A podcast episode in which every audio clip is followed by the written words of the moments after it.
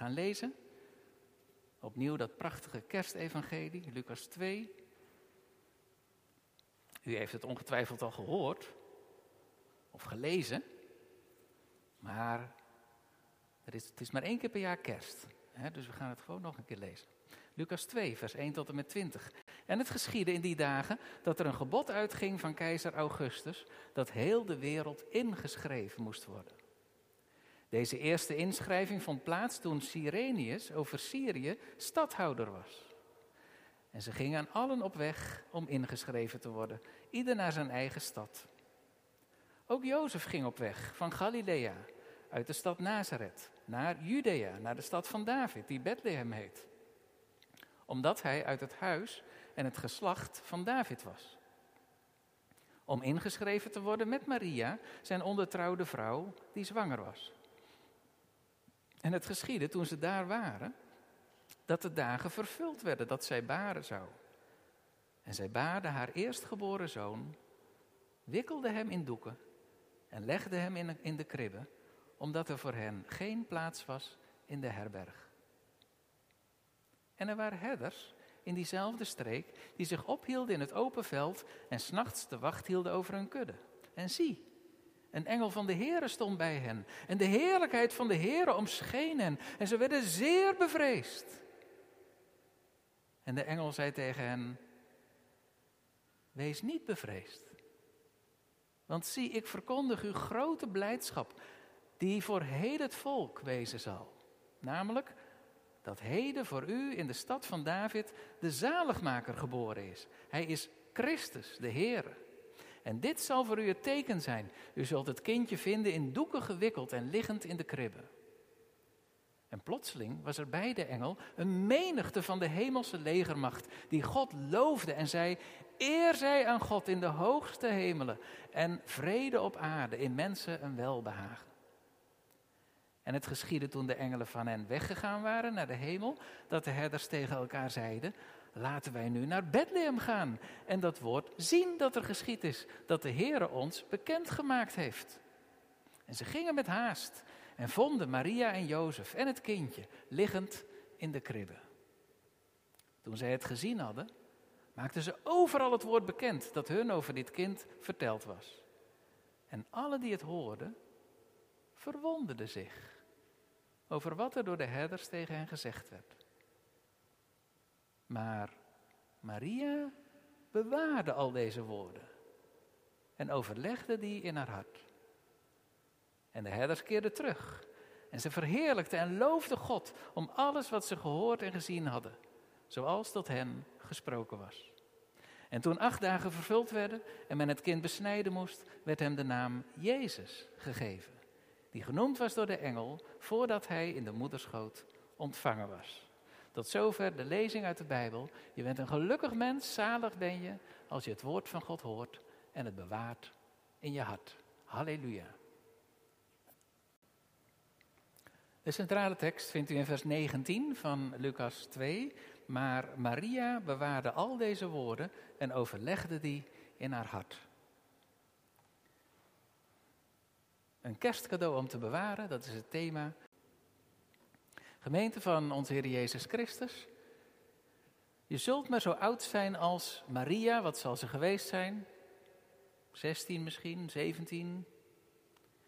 En dan zo'n overweldigend jaar meemaken. Het begon allemaal met die engel. Die opeens bij haar in huis stond in Nazareth. En die het zei, wees gegroet, jij begenadigde. De Heer is met je. Je bent gezegend onder de vrouwen. Je hebt genade gevonden bij God. Je zult zwanger worden en een zoon krijgen. En jouw zoon zal zoon van de Allerhoogste genoemd worden. Zoon van God. Er zal geen man aan te pas komen, want de Heilige Geest zal je overschaduwen. Maria herinnert het zich als de dag van gisteren. Die engel. En hoe ze haar antwoord gaf.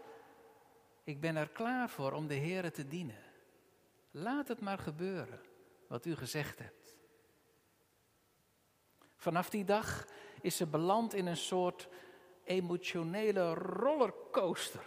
Duizend vragen dwarrelden door haar hoofd en door haar hart. Hoe moet dat nou? Met Jozef.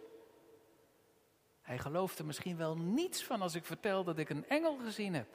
En, en, en die engel heeft ook gezegd dat, dat, Marie, dat Elisabeth zwanger is. Zal ik naar haar toe gaan? Ja, dat doe ik, maar, maar, maar als ik dan terugkom, hoe moet het dan? En die profeet Micha, die heeft toch duidelijk gezegd dat de Messias in Bethlehem geboren zal worden. Moet ik dan daarheen? Wij kunnen ons volgens mij helemaal niet voorstellen wat er allemaal in Maria omgegaan moet zijn. elke dag was een verrassing. Als ze bij Elisabeth geweest is en ze komt weer thuis, weet ze werkelijk niet wat ze tegen Jozef moet zeggen. Terwijl je steeds beter gaat zien dat ze zwanger is. En wat gebeurt er dan? Jozef komt naar haar toe en vertelt over diezelfde engel. Die is ook aan hem verschenen in een droom. Jozef begrijpt alles en wil met Maria verder. Hij belooft om voor haar te zorgen. Hij heeft alles voor haar over. Wat is Maria opgelucht? Ongelooflijk. Elke keer weer blijkt dat God voor haar zorgt. Dat Hij de weg baant voor haar uit. Het is zo wonderlijk. Het is zo wonderlijk. Opeens is er dan die heraut in Nazareth. Met dat belachelijke bevel uit Rome dat iedereen naar de stad moet reizen waar zijn familie vandaan komt. Maar ja, het komt niet als een verrassing. Want God bestuurt het inderdaad zoals Micha heeft voorspeld.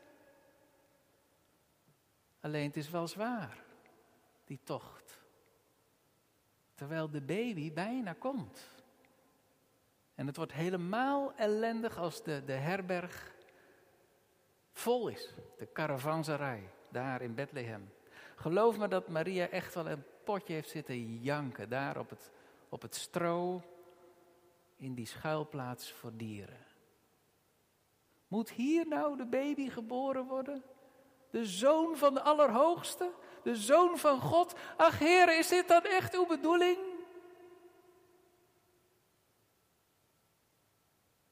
En dan is het kindje. En terwijl Maria hem in doeken wikkelt, huilt ze van blijdschap. Hij is er. Hij is er eindelijk, haar kind. De Messias, dank u heren. Dank voor uw zoon. En dank u ook voor Jozef. Wat heeft u me toch een schat van een man gegeven. Zo lief en zo zorgzaam.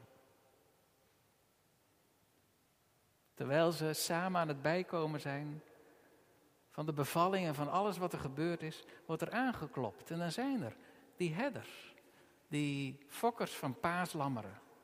Elk jaar zijn er weer in Jeruzalem, in de tempel, tienduizenden van die lammeren nodig met Pesach. Ze worden gefokt in de velden rondom Jeruzalem. Ook daar in Bethlehem. Het zijn geen gewone herders. Het zijn herders speciaal door de rabbijnen opgeleid om die paaslammeren te fokken. En die herders, die komen binnen met zoveel eerbied. Maria begrijpt meteen dat ze al moeten weten wat er aan de hand is. Ze vertellen hun verhaal over de engel. En wat die engel vertelde. En over dat hele engelenkoor. En dat wonderlijke lied. Ere zij God. Maria in haar kraambed van stro. Ze is een en al oor. Als de herders aan het vertellen zijn. Ze ziet hoe die stoere kerels knielen voor haar kind. Hoe ze buigen vol eerbied, vol aanbidding. Wat voelt het allemaal onwerkelijk. Maar het is echt. Het is echt. Als de herders weer afscheid nemen, is het al licht.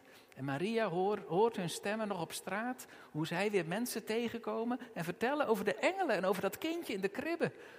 Ze hoort de verwonderde uitroepen, jongens, jongens, zo zeg, zo, hoe is het mogelijk? Ze hoort de herders zingen in de verte. En dan wordt het stil. Maria, ze kijkt naar dat kind. En terwijl Jozef zorgt voor wat te drinken, ligt ze te pijnzen. Wat zou dit toch allemaal te betekenen hebben? Wat gaat God hiermee doen? Hoe zou het verder gaan met dit bijzondere kind? Lucas vertelt het op een heel mooie manier. Maar Maria bewaarde al deze woorden en overlegde die in haar hart. De mensen op straat, die het horen van de herders, die zijn verbaasd, ze zijn verwonderd, maar kennelijk komen ze niet in drommen naar het kind kijken, om het te aanbidden. Zoveel indruk maakt het nou ook weer niet. De verwondering duurt maar even. Zoals uh, volgende week, ongetwijfeld, op straat kinderen zijn met sterretjes. Hè?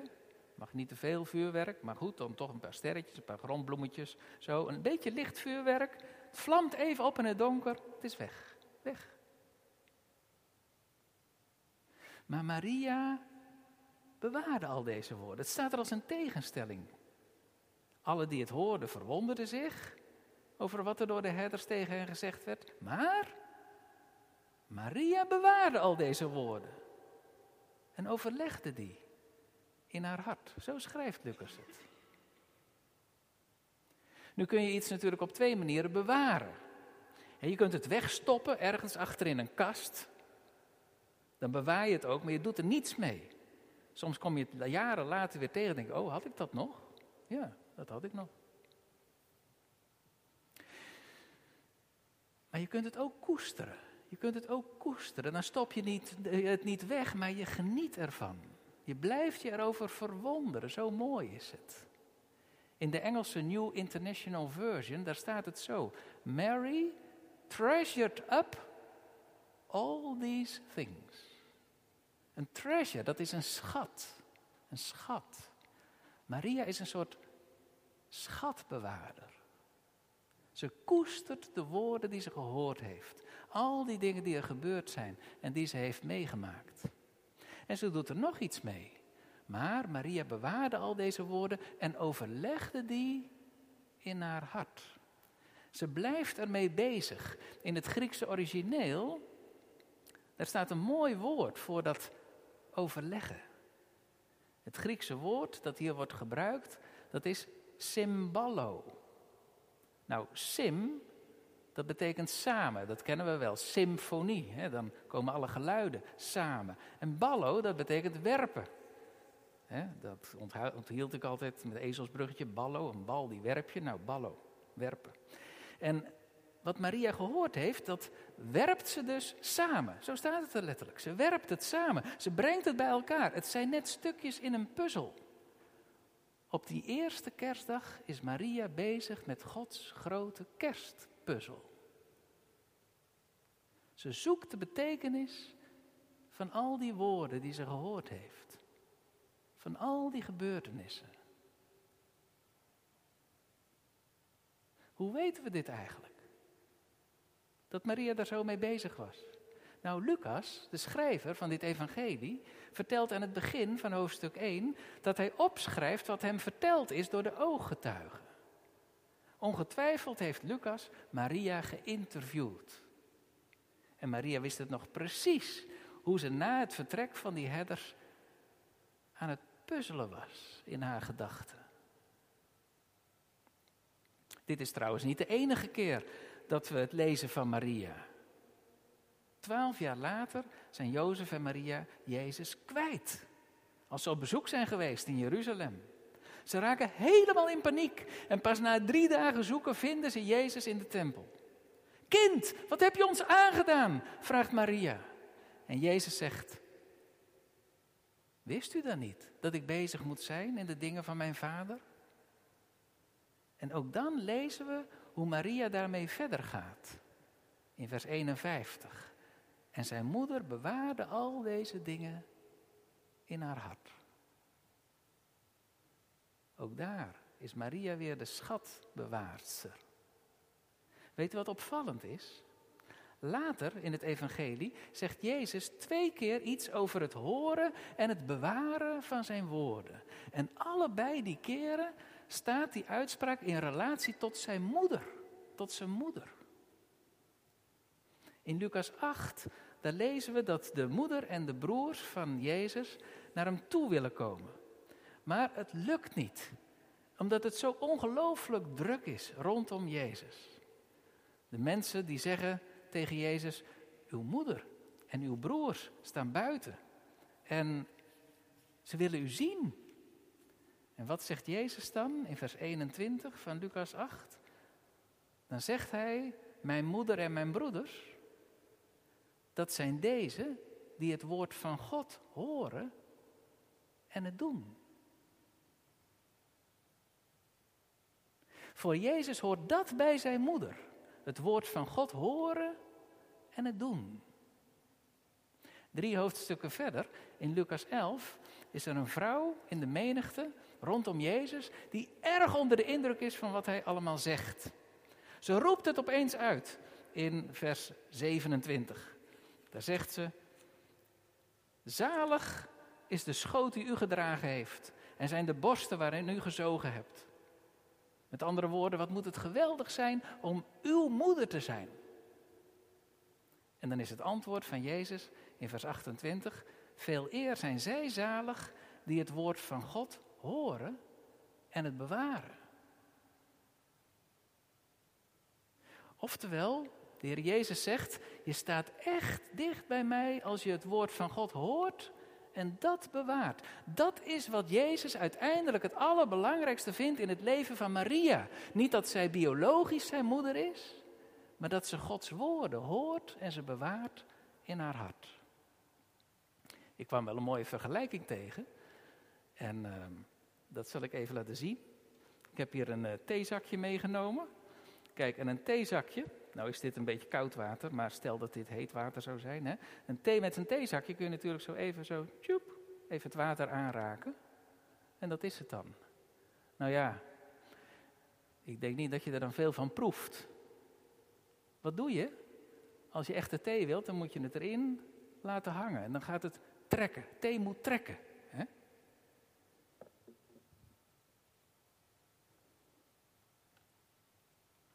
Is het eigenlijk anders met Gods woord.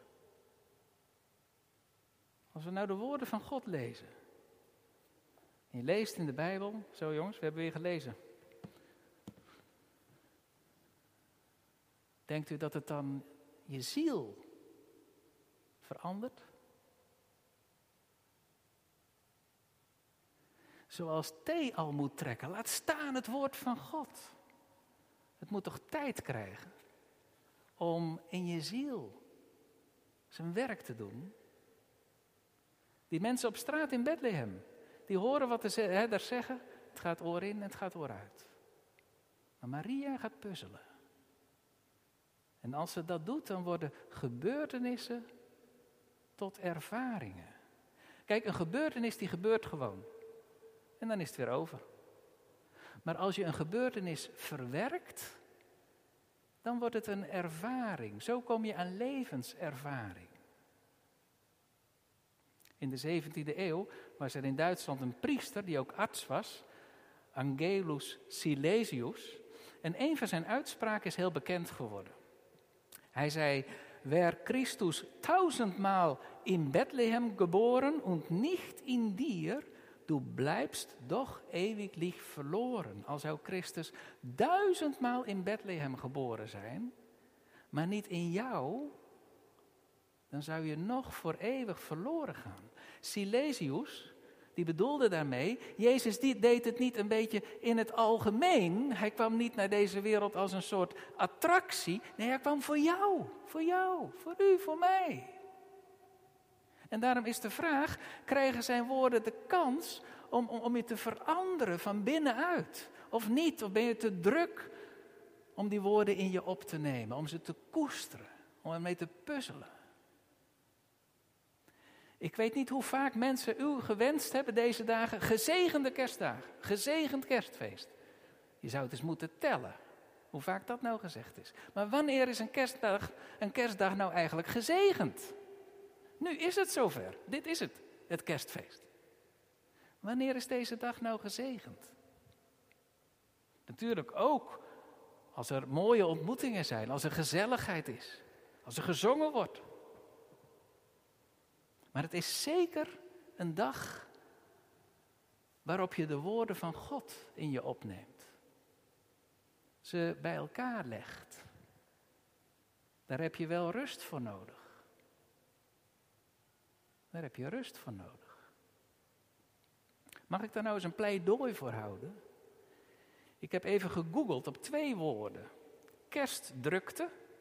Kerstdrukte. Dat leverde 419.000 resultaten op bij Google. En vervolgens typte ik in kerstrust. En dat gaf 3770 resultaten. Dat is 111 keer minder dan kerstdrukte. Als er nu één jaar is waarin het zou moeten lukken om wat meer rust te nemen, dan moet het toch wel dit jaar zijn. Het jaar van de lockdown. Als we nu nog geen kerstrust vinden, wanneer dan wel? Maar voordat je het weet, is het toch weer druk allemaal. En trouwens, ook na de kerstdagen is er toch gelegenheid voor rust. Niet alleen tijdens, maar ook daarna. Het gaat verder. Rust voor de Bijbel. Rust voor ontmoeting met God. Ik word even heel praktisch. Hoe kun je nou leren van wat Maria doet? wat kun je daar nou van leren? Het bewaren van Gods woorden. Het overleggen van die woorden in je hart. Ik wil u even een kijkje geven in de keuken van wat je als predikant doet. Kijk, het valt natuurlijk niet mee om elk jaar weer te preken over kerst. Ik heb dan drie preken te maken: kerstnachtdienst, eerste kerstdag, tweede kerstdag. Maar ja, je moet wel weer wat verzinnen. Nee, je moet niks verzinnen. Je moet kijken wat je krijgt. Dus wat doe je dan? Je pakt Lucas 2, zo ergens in november of zo. En dan ga je heel langzaam lezen, heel zorgvuldig. En je bidt of God je iets wil laten zien in die tekst wat bij je blijft haken. Iets wat je misschien nog niet eerder was opgevallen. Of iets wat een vraag bij je oproept. Iets wat opeens voor je gaat oplichten. Langzaam lezen, heel langzaam. Slow reading heet dat in het Engels. En altijd weer geeft God iets. Altijd weer. Maarten Luther die zei, bijbelstudie is net het oogsten van appels. Sommige appels hangen heel laag, nou, die heb je zo te pakken. Maar ook als je geen appels meer ziet, zo voor het blote oog, als je schudt aan de takken, dan komen er altijd nog wel weer ergens appels vandaan vallen. Je gaat nooit met lege handen naar huis. Slow reading. Langzaam lezen. Wat je zou kunnen doen is dat je Lucas 2 of een ander Bijbelgedeelte, dat je dat afdrukt op papier. Of dat je het overschrijft, dat is helemaal mooi. Als je overschrijft, u zult merken, als je overschrijft, dan, dan dringt het veel dieper tot je door. Die monniken vroeger, die schreven alles over. Dat was, dat was niet alleen omdat er geen boekdrukkunst was uitgevonden. Het was ook een manier van Bijbel inhaleren. Je gaat heel langzaam lezen. Als dat op papier staat, heel zorgvuldig. En je streept alles aan wat je opvalt. En dan zul je zien dat een overbekend Bijbelgedeelte toch nieuwe dingen in zich bergt. Probeer het eens, vandaag of morgen. Misschien bent u met een paar huisgenoten of met een paar gasten. Dan kunt u het ook samen doen. Pak zo'n papier, neem gewoon vijf minuten. Neem vijf minuten, tien minuten. En ga gewoon eens strepen en dan uitwisselen. En je zult zien, de appels vallen naar beneden. Of misschien ben je alleen. En ga je in je eentje zitten puzzelen. Maar als je dat gedaan hebt, moet je het wel delen met iemand anders. Misschien kun je iemand bellen. Of je gaat volgende week even een keer bakkie doen bij iemand uit de kerk. Ga het uitwisselen wat je gevonden hebt. Hou het niet voor jezelf. Ik garandeer je, er komt altijd een appeltje naar beneden. En waarschijnlijk meer dan één. En als je de smaak te pakken hebt, dan wil je dit vaker bezig zijn met de woorden van God. Ze bewaren, ze koesteren, ermee puzzelen, zodat je steeds meer ziet van Gods plan met de wereld en met jou. En je zult nog iets merken. Als je die woorden van God opneemt in je ziel, hè, zoals, zoals de thee, dat thee, die, die, die, die theebladeren als het ware leeg zuigt, dan gebeurt er iets met jezelf. Je wordt een ander mens. En van binnenuit welt er een verlangen op om te bidden. Als je blij wordt over de woorden van God, dan wil je naar Hem toe. Want de woorden van God trekken naar Hem toe. Je wilt Hem ontmoeten. Je, wilt, je krijgt een verlangen om te bidden. Zoals die herders die horen over de Messias. Ze willen maar één ding. Naar Hem toe, naar Hem toe. Met haast, naar Bethlehem. Kom, laten we naar Bethlehem gaan. Ze willen Hem eren, ze willen Hem aanbidden, ze willen Hem ontmoeten. Maria bewaarde al deze woorden en overlegde die in haar hart. De woorden van God die doen altijd iets met je, altijd iets. Want de woorden van God die hebben goddelijke kracht. Jij hebt niet het woord, het woord heeft jou. Dominee Richard Woerenbrand was Luthers predikant in Roemenië in de tijd van het communisme. En vanwege zijn geloof heeft hij jarenlang in de gevangenis gezeten. Hij heeft veel geschreven en in een van zijn boeken vertelt hij over een Russische toneelspeler in de tijd van Stalin, Alexander Rostovchev. Rostovchev, een beetje moeilijk uit te spreken, Rostovchev. En die speelde een hoofdrol in een nieuw toneelstuk. En dat toneelstuk heette Christus in een bondje. Zo'n bondkraagje, zo'n bondje, zoals Russen veel dragen. Rostovchev behoorde tot de hoogste kringen in de Sovjet-Unie. Hij was een overtuigd marxist. In het toneelstuk werd vooral de kerk belachelijk gemaakt.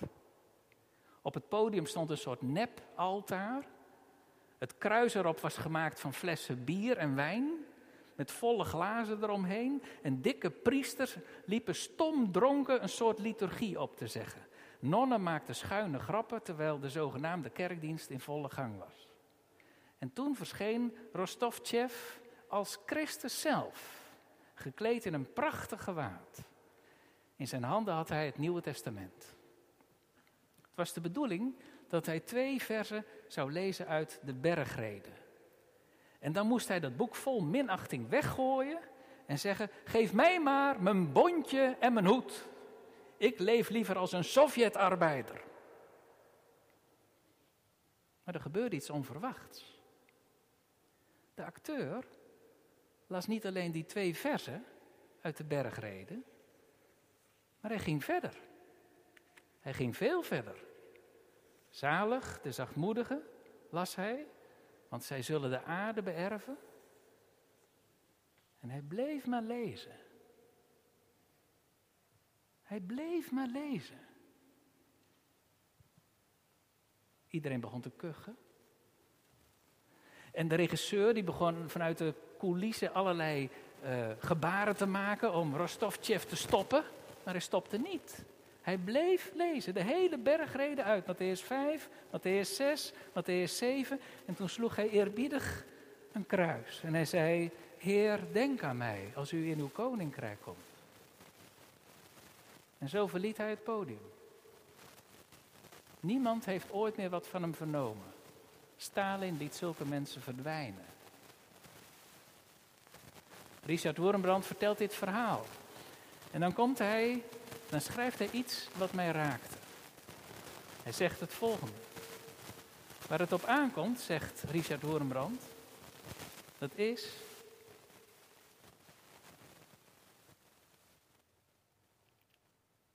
Waar het op aankomt, zegt Richard Wormbrand, dat is dat we, net als deze acteur, de lelijke rollen vergeten die de wereld ons oplegt. En dat we ons laten verrassen door de schoonheid van de woorden van de Verlosser. Dat we ons laten verrassen door de schoonheid van de woorden van de Verlosser. Dat is het. Laat jij je verrassen door de schoonheid van de woorden van de Verlosser. Laat u zich verrassen door de schoonheid van de woorden van de Verlosser. Jij hebt niet het woord, het woord heeft jou. Die woorden zijn een kerstgeschenk om te bewaren. Als een schat. En om levenslang te koesteren. Amen.